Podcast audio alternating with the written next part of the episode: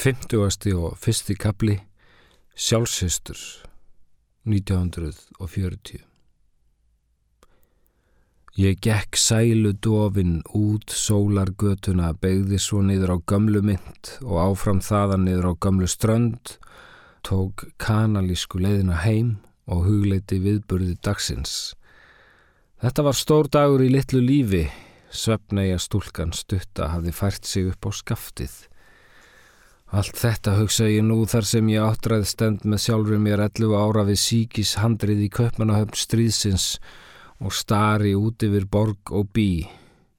Við erum hér saman sjálfsistur tvær, herra ung og herra gömul, önnur á bláu pilsi en hinn með rítju, kollu, rúin, barm og kottans krippu á stífum kvítum spítalaserk og tásóðunum inni skóm og törnspýrurnar tegja sér langt inn á sjóndeld og þar á bakvið Östursöen sem senn á eftir að gleipa mígrút af mannslífum en ennþá fjær býður rúsneska gólfið eftir pappa og félögum hans í miljónavís. Þeir eru ennþá heima að æfa sjálfsvíksdansinn sem þeir ætlað frumsýna á þeim frostfægða fleti Þeir æfa hann við tónlist Wagners óavitandi um að þegar á holminn kemur mun hann stíin við tónlist Katjatúrians. Já, gamla mín, þú gengur í gömul spór og er það helsti kostur þess að eldast, að þykja útsýnisflug yfir lífsitt og fá að varpa sér út í fallíf annað slægið, lenda sér við hlið á borgarstræti og klappa á auksl. Því mörg eru sjálf þín kona, það ungi vissi og gömul veit að æfin býtur í skottið á sér og svo sem stendur ein á örlaga mótum, stendur aldrei ein því hún sjálf síðar er þar líka, rétt eins og ég sjálf ung er með mér nú. Í sérkverju barni býr kerling og barn í henni. Ég horfi á eftir mér skottast út eftir gammelstrand með hugan fullan af hugsunum, sem ég helli í mig núna og sátu í mér þá. Já, víst var þetta skrítið að finna mjúka döðlu verðað hörðum kvisti og finna hann bresta, bresta með unað spaði innra sem ég gætt vart beðið eftir að komast í aftur.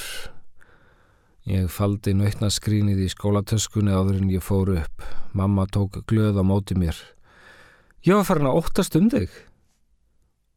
Hún hafði stilt sér upp í glansandi rauðri gættinni í öllu sínu kvenlega veldi, skúringasveitt og handleggja ber, kvildi lofan hátt á dyrakarmis og skein í loðdýrið í kriganum, pilsi þröngt, svo mjúkur mægin slútti fram yfir strengin.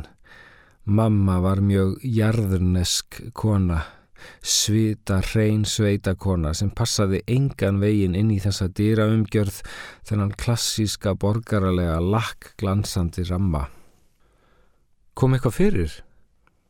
Nei, nei svaraði ég og einblindi á töflunar hennar eins og sagbitinn fyllibitta, vonandi að hún sæi ekkert á mér, sæi ekki að barnið hennar var horfið og í staðin kominn kínóður dvergur með logandi klofkvist og laungunar sjúkar varir sem kissa vildu allt sem lág. Lagði snörur fyrir fullorna menn og götumúti og lagðist með kústpryggum á almenningssalernum. Hún virtist ekki koma auða á þessar íllu sínir sem blöstu þó svo bersinilega við í augunum á mér og við snættum saman í andlausri ró, kjötbólur í brútni sósu, tvær einar í eldhúsi sem byggt var til að metta heilan borðsal handan við vangja hurð.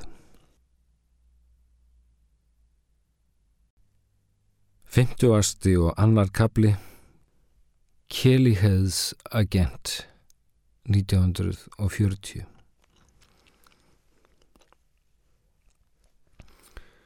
Þann fyrsta desember urðu tímamót.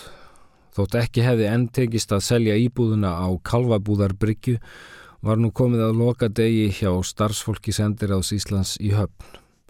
Helle, mjúka Helle, kvatti með korsum og tárum og hétt því að heimsækja okkur mömmu á Íslandi um leið og stríðinu líki og hún var í komin með mann. Fordi en dame rejser ekki alene, Við lofuðum að taka vel á móti henni og mamma rétti henni vasaklút þar sem við stóðum í opinni gættinni. En þá fyrst fór litla konan að gráta því auðvitað var alls ekkit vist að hún fyndin eitt mann, fengin eitt mann. Det er ingen, det vil ha en lille gammel jomfrú som mig. Ég virti hana fyrir mér og hafði næstum kinkað kolli en mamma hafði meiri trú á dönsku karlkinni og fullvisaði hana um að heima á Jótlandi, þar sem Helli hafði fundið starf í heimavistarskóla, myndu þeir býða hennar í röðum Konu sem hafði ekki aðeins eldað fyrir ráþöra og sendiherra heldur einnig listafólk eins og Pól sjálfan Raumert og Elsu Siffús. Men, men det er en skóle for kvinna. Hjælt hún áfram að vola. Nú þá ferðu bara á búnaðasýningun í Hopró, sagði mamma jesserandi jákvæð, og ferðu á ball. Eitt augnablík kviknaði von í augum hinnar kinnarjóðu konu sem slaknaði þó jafn harðan. Men så får jeg måske en mand. Men så kan vi ikke få børn, fordi jeg er så... Jeg er blevet så gammel. Og nú fór hún að hágráta. Mamma beindi henni aftur inn í íbúðuna, tók einn töskurnar og lokaði dýrunum en sendi mig niður til að segja bílstjóranum að koma upp ef hann vildi. Það erði örlítil byð á farþeganum en þegar ég kom niður og sá hvað rænir beigð við gljáfægðan bílinn í sinni hátíðlegu byðstöðu eins og hönskum prítur hjólbarða prins með þrjársvartar augabrúnir, fekk ég hugmynd. Vantar yfir ekki konu? Uh, konu? Já, viljið þér, ekki giftast Helle? Hún, hún þar mann. Helle? Já, finnst, finnst þið hún ekki vera falleg og, og góð? við er eh, satt að segja höfum við nú ekki hún er góða elda með stór brjóst og svo er hún líka hrein mei uh, aha uh, þér eru það að verða sextugur, þér fáið ekkit betri konu hins þíski fransós hló mildilega með sjálfum sér aldeilis skondið barn þetta já það segir alveg satt við, við er fáum við störgla ekki betri Get ég þá sagt henni að þér ætlaði að verða maðurinn hennar? Uh, nei, nei, nei, nei, alls ekki, guðanabænum, gerir þér það ekki. Akkur ekki?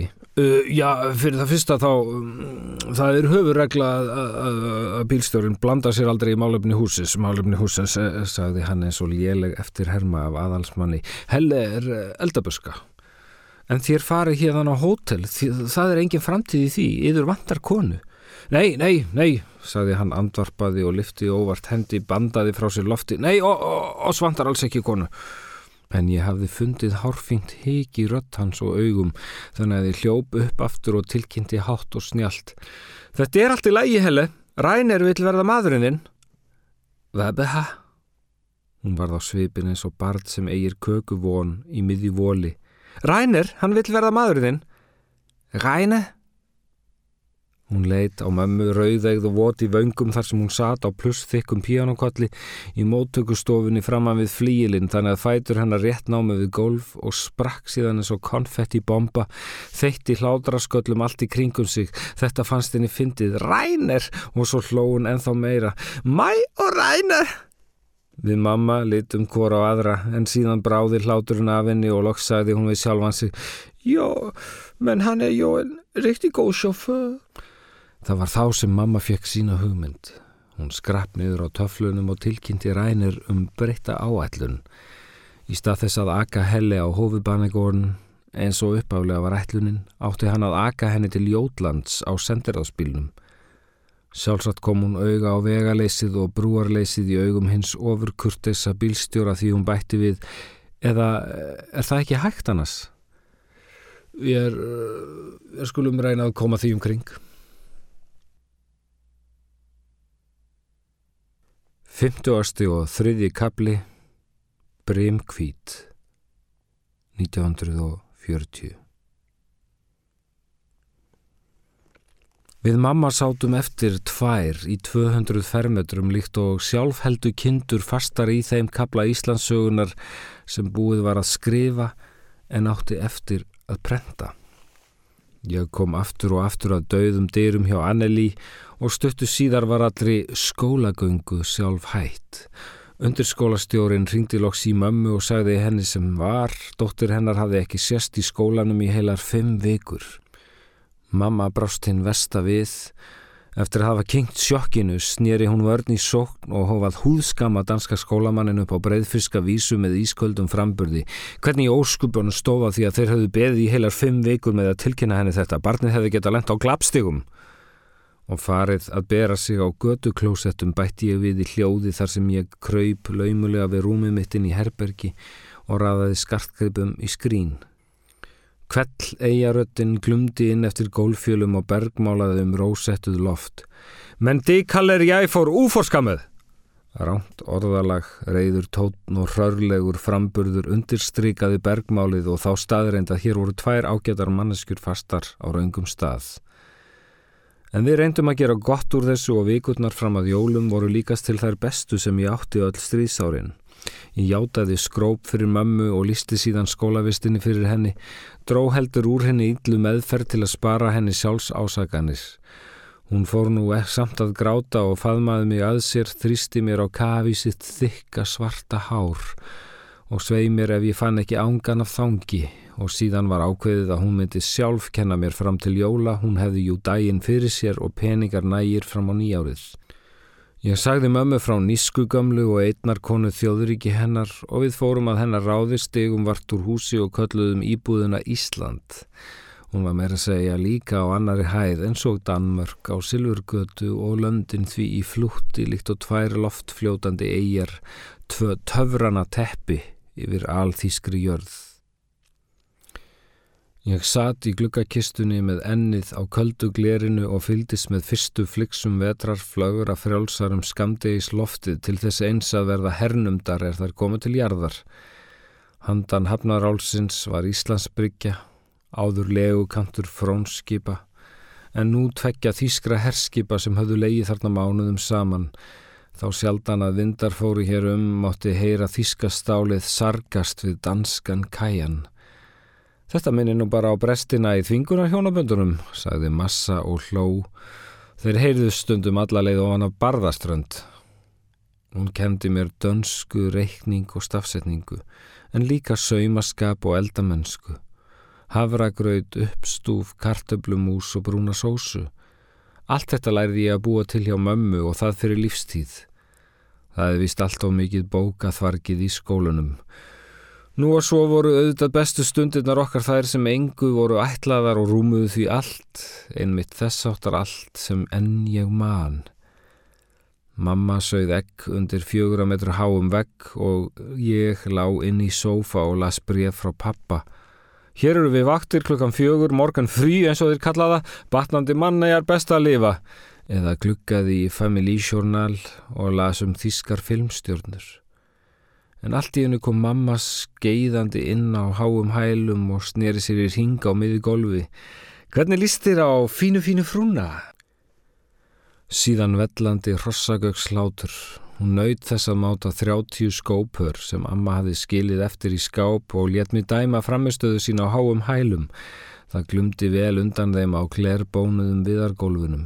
Mamma massa, hinn massífa kona, Á bakaleiðinni staldraði hún stundum við flíilinn og strauk fingri yfir nótnastati við í djúbri laungun til að galdra unað úr þeirri þrýfættu skeppnu.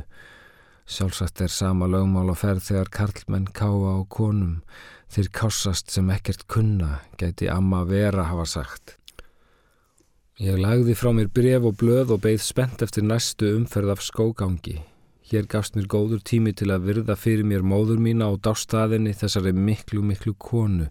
Lærin voru orðin vel sver og mægin mikill á meðan brjóstin hafðu minkað. Þau hefðu runnið saman í fremur magalega sillu sem láð þvert yfir brjóstkassan. Hárið helt þygt sinni og myndaðið sterkan að ramma utanum þetta hrustlega andlit sem í vararauðum kvítleika sínum myndi ögn á andlit önnulíu þótt auðvitað væru þau gjör ólík. Anneli var mjúkleg rós en mamma augn kvass selur. Mamma var falleg á mjög íslenskan hátt, líkt og þegar sagt er að grjóðlýð í Þórsmörk sé fögur. Þótt sama orð sé notað um danskan skóarlund er það auðvitað annars konar fegurð. En mamma hafði þessar fallegu augabrúnir og svo auðvitað eigakvítuna þessa kvítu, kvítu húð sem ég öfundaði hana alltaf af og var líklega það sem kvekti í pappa. Skaldið steitn hafði kallað hana brimkvíti Ég var orðin færtug og farin að stunda nustið þegar íslenskir brennivins bánsar komu kvíslandi og axlin á mér til að dásama húð móðurminnar. Menn komu langa leiðir í leigubílum og hafðu sumir með sér hagerðinga til að dásama þessa náttúru perlu sem ég fekk hins vegar enga hluteld í. Mín húð var bara stríi strektur á bein sem mér tókst svo að lita með reykingum og drikju. Amma Verbjörg var líka svona beinastriði þannig að mamma hefur þegið skinnsældina frá Salomón föður sínum.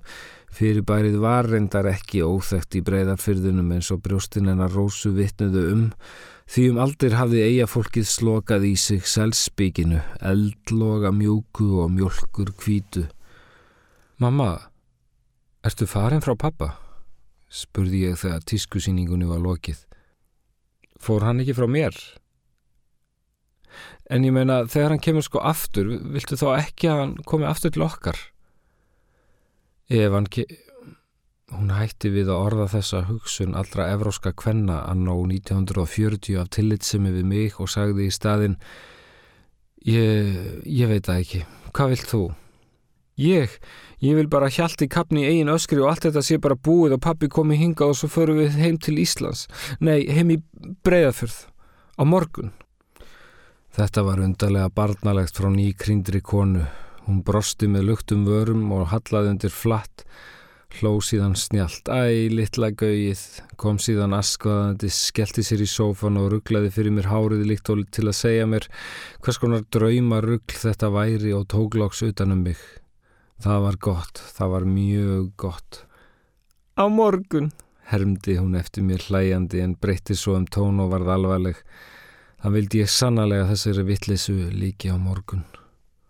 Og myndur þú þá vilja pappa aftur?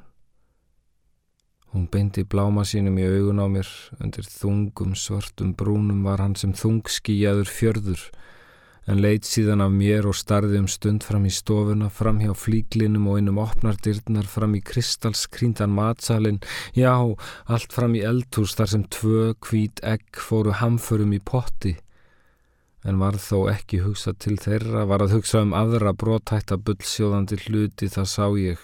Hún þagði góða stund líkt og foreldrar gera stundu fyrir börn sín til að segja þeim það um lífið sem orð fá ekki tjáð stóð síðan upp og gekk út í stofuna, fram hjá flíklinum og út um opnardyrnar, fram í kristalskríndan matsalin, já, allt fram í eldhús þar sem tvö hvít egg fóru hamförum í potti.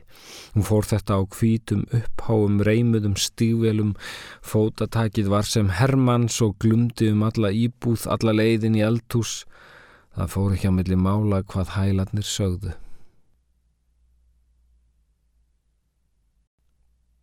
50. og fjörði kapli BBC 1940 Það sem allt var undir þýskum hæl í Danmörku var erfitt að fá raunverulegar frettir af því sem var að gerast í höldum heimi. Okkur var sagt að eina leiðin til þess væri að hlusta á BBC. Við lágum stundum saman í stóra rúminu hennar mömmu og hlustuðum fram eftir kvöldi og höfðum látt stilt svo enginn heyrði til okkar því dönum var eins og þjóðverum bannað að hlusta á breska útvarpið. Reyndar skildi hvoru okkar ensku en við námum þó einstug orð Ribbentrop, Stalin, Finnland og reyndum svo að ímynda okkur rest.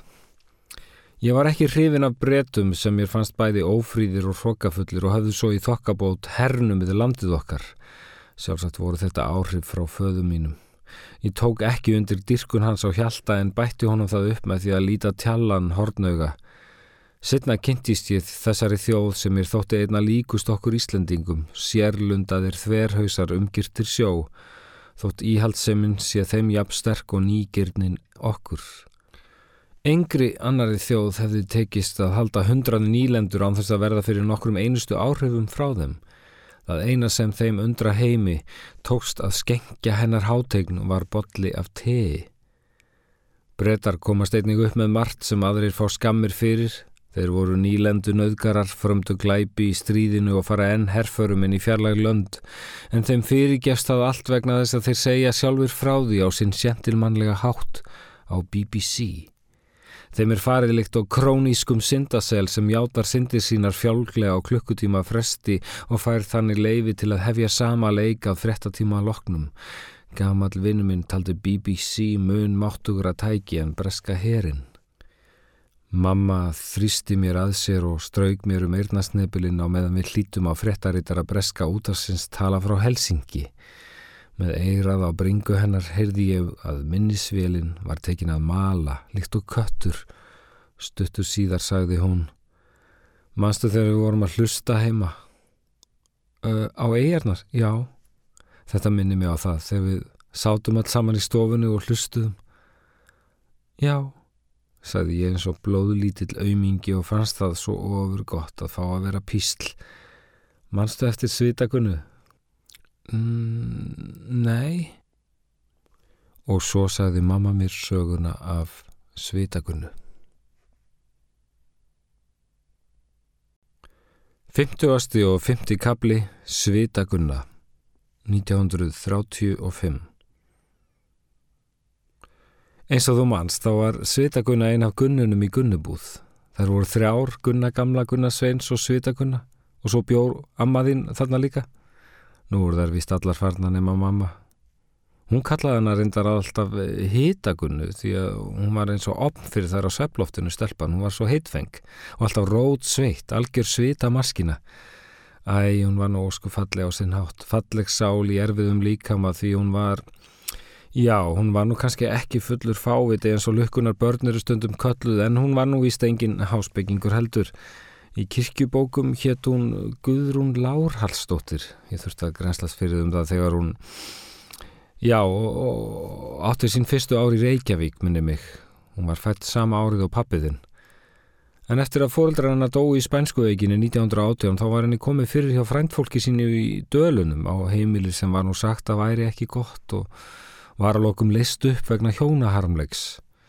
Eftir það gekk hún ánast kaupum og sölum út eftir allri skóaströnd var bara borin þar á milli bæi eins og hver hann á postpóki og kom svo hrakin á sál og líka máti eigjar eftir að Gunnar gamla hafði reykist á hann á bryggjun í hólminum umkomulegs hún var þessu umkomulegs auðmingi sem aldrei leitu fyrir stífila nokkru manni eins og hún sagði gamla konan. En það var svo ekki fyrir lengur setnar sem ég komst að því að hún þá þarna þá hafði hún eignast þrjú börn hugsaði þér Hún var þryggja barna móðu, 17 ára gömul. En þótt hún væri nógu góð til að barna, þá var hún ekki nógu góð til að eiga þau. Eitt hafði reynda látist í fæðingu, en tvö voru tekinn frá henni, það frétti ég nú setna eftir, en við vissum ekkit um þetta þá. Það var ekki talað um þetta og heima í svefn og grunaði yngan neitt.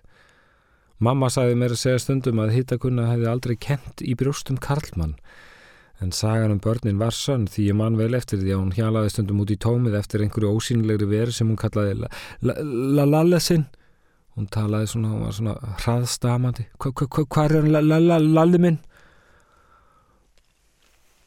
Nú, Gunna gamla reyndist þessum lánleysingja bara mjög vel sem bara sem hinn besta móður og tók hann inn á sitt búðarloft þar sem hún átti loksins góða vist.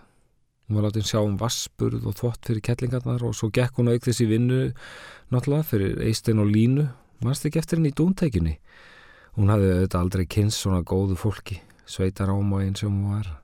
Hún hafði aldrei verið hjá bónda sem, sem, já, sem heilsaði henni með nafni í staðis að baka henni fleiri en svo einhver sagði. Og svo bar Lína náttúrulega ljúusmislin á hendur hennar og varir.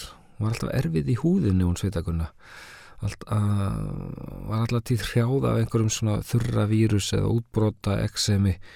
Ég man að hún var alveg orðlaus yfir eiga geskunni og þagði nánast bara fyrsta veturinn. Ég held að hann hafi nú liðið úrskup vel hjá okkur en það breytið því náttúrulega ekki að hún var aldrei kölluð annað en svitakunna við vorum vist lítið betri að því leitinu og brostum að henni í laumi En hún var röski vinnu og var fljótt einn döglegast að dúntekju konan í öllum breyðafyrði og slója vel við henni rósu vinnukonu sem þú mannst eftir. En Svitagunna hafði vinningin því hún, hún, svona, hún náði til fugglsins. Hún var það lokum svo nákomin aða fugglinum að hann leiði henni stundum að ganga með fyrir sig. Eða til dæmis gerði hretað voru og, og fendi við hreyðrin vildi það til að kollan yfirga varpið og gafst hreinlega upp fyrir móðu sinni í náttúrunni en þá greip svitakuna til sinna ráða, tók ekkin og gekk með þau næst sér dag og nótt, dögum og vikum saman á meðan unga maðurnar kvökuðu ráðleysislegar á voginum. Og var svo merkilegt að þessi þykkvaksna stúlka sem aðra tíma ársins var alltaf bara hinn mest í klundi ég man til dæmis einu sinni að hún gekk niður fjólu gamlu í dýragætt og það svo harkalega að brotnuði inn í rifbenn gamlu konunni já að hún fór bara með þessi skurnardi ást eins og lífslogan sjálfan og brauðu aldrei jável þótt hún hefði undir sér í svefni. Þetta er makka, mín og, lalli minn sagði hún og klappaði svona kólunguðum egginum hún spýtti svona orðunum út úr sér eins og, já, eins og þau væri bara svona súr mjölk og svo deplaði hún augunum alltaf ótt og títt að setningu lokinni. Ertu vissum að hún munir ekki eftir henni?